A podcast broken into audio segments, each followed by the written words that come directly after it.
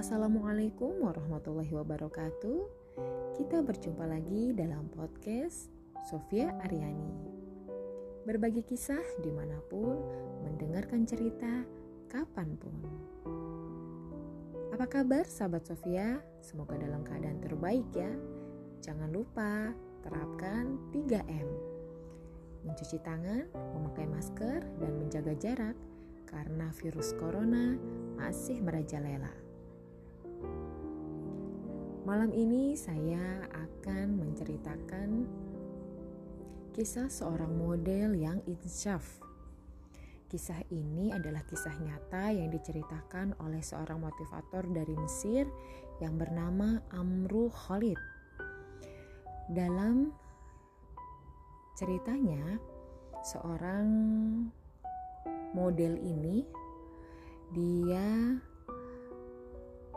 mengirimkan email, mengirimkan email kepada motivator ini kepada Amru Khalid dan di dalam email itu dikatakan wanita itu menceritakan bahwa ia adalah seorang wanita muda dari Libanon. Ayahnya muslim sedangkan ibunya Nasrani. Selama 10 tahun awal dia tinggal di Libanon Kemudian mereka pindah ke Australia. Keputusan itu akhirnya memutuskan hubungan dia dan keluarganya dengan Timur Tengah. Saat itu umur wanita itu 22 tahun. Setelah pindah ke Australia, keyakinannya terhadap agamanya melemah. Ya, agama seorang model ini adalah agama muslim. Namun setelah dia pindah ke Australia, membuat keyakinannya menjadi lemah. Satu-satunya hal yang dia tahu adalah hanya dirinya adalah seorang muslim. Hanya itu. Dia tidak tahu Al-Quran, bagaimana cara sholat, bahkan status agamanya pun tidak membawa pengaruh yang signifikan dalam kehidupannya. Ibu dan ayahnya bercerai.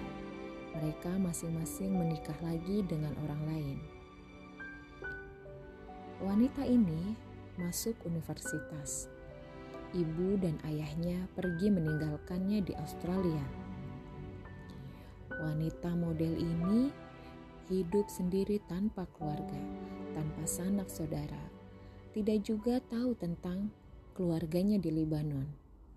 Dalam kesendirian itu, dirinya harus membanting tulang untuk mencukupi kebutuhannya sendiri. Pagi hari kuliah dan bekerja di bar pada malam hari. Wanita itu memiliki kekasih, memiliki pacar, dan mereka melakukan semua perbuatan maksiat dan asusila. Bahkan wanita ini mengakui bahwa mereka melakukan perbuatan itu tanpa rasa malu. Dirinya telah sangat terpengaruh oleh budaya Barat. Meski demikian, seorang wanita model ini masih memahami, uh, masih mengetahui sedikit bahasa Arab. Suatu ketika, hanya bermodal paras yang cantik, wanita ini mengikuti kompetisi kecantikan di Selandia Baru dan akhirnya menang. Ia kemudian berencana untuk mengikuti kompetisi bir atau kompetisi-kompetisi minuman keras di Selandia Baru. Saat itu, dia menjadi seorang model majalah. Nah, singkat cerita, setelah sekian lama akhirnya dirinya bisa mengunjungi keluarganya di Libanon. Di sana, dia melihat drama Ramadan di televisi yang berbicara tentang sopan santun. Ada episode di mana mereka pada kisah itu, pada uh, drama yang ada di televisi itu memiliki alur cerita yang persis seperti kehidupan wanita model ini. Akhirnya, dirinya tiba-tiba merasa takut, gugup, dan tidak bisa berkata apa-apa. Lantas, wanita ini mengirimkan email kepada Amru Khalid, seorang motivator tadi, dan menanyakan, "Apakah Allah masih mau memaafkanku?" Masya Allah, tidak peduli kuat atau lemah imannya seseorang, setiap jiwa pasti merindukan penciptanya. Pasti merindukan Tuhannya, seperti perut lapar merindukan akan makanan. Sejatinya manusia hidup telah Allah berikan naluri beragama. Tak luput satu makhluk pun yang tidak memiliki gorizah tadayun ini. Sebejat apa pun manusia, pasti ada di dalam hatinya untuk ingin mensucikan sesuatu. Ya, akhirnya sang motivator itu Amru Khalid memberi nasihat kepadanya untuk bertobat kepada Allah, dan Allah akan senang untuk memaafkannya jika dia benar-benar bertobat. Dua hari kemudian, Sarah, nama wanita itu, menghubungi Amru Khalid dan berkata, "Saya telah bertobat kepada Allah.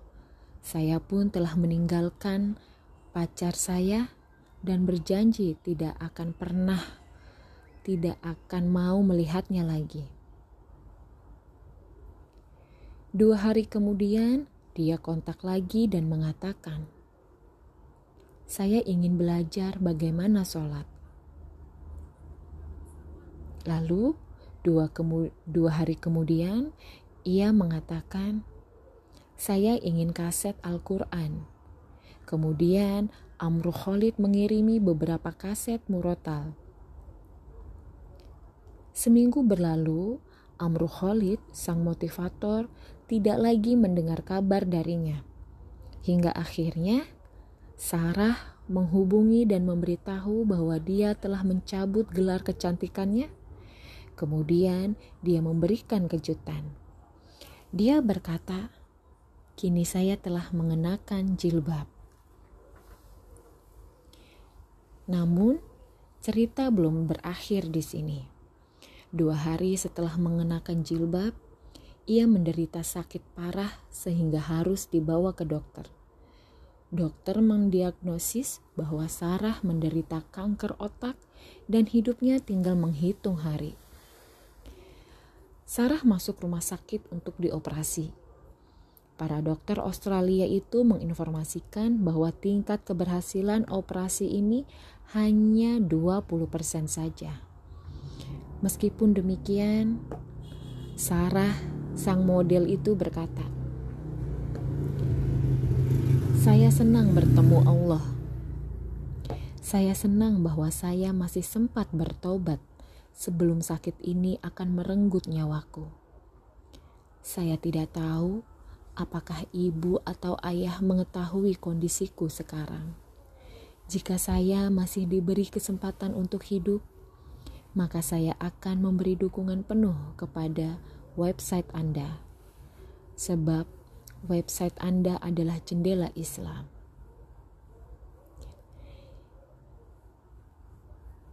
Kita adalah milik Allah, dan kepadanya lah kita kembali. Setelah itu, meninggallah Sarah. Semoga Allah merahmati Sarah yang meninggal pada usia 22 tahun dan sempat bertobat kepada Allah. Dan mereka pun menguburkannya di Selandia Baru sebelum kematiannya. Ia pun sempat mengirim surat singkat kepada Amru Khalid sang motivator. Saya tinggal jauh dari tuanku selama 22 tahun. Tapi saya masih diberi kesempatan untuk bertobat dan kembali kepada Allah tiga minggu yang lalu. Saya tidak tahu banyak Muslim selain Anda, dan forum internet semacam ini. Saya memohon kepadamu untuk mendoakanku agar Allah mengampuniku, juga membimbing ibuku. Sarah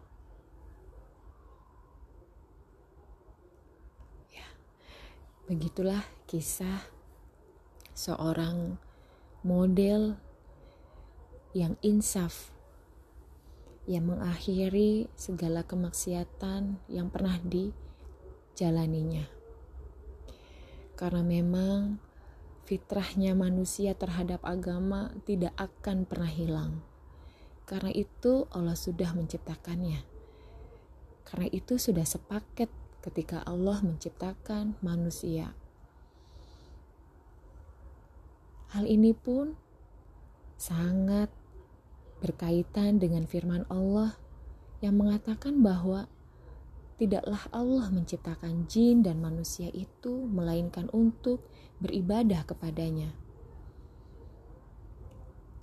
Ya, sejahat-jahatnya orang, sebejat-bejatnya manusia, pasti akan pasti ingin merasakan ingin dekat kepada penciptanya.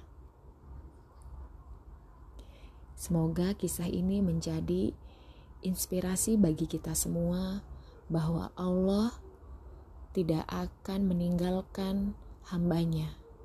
Allah akan dengan senang hati memaafkan bagi hambanya yang ingin bertobat.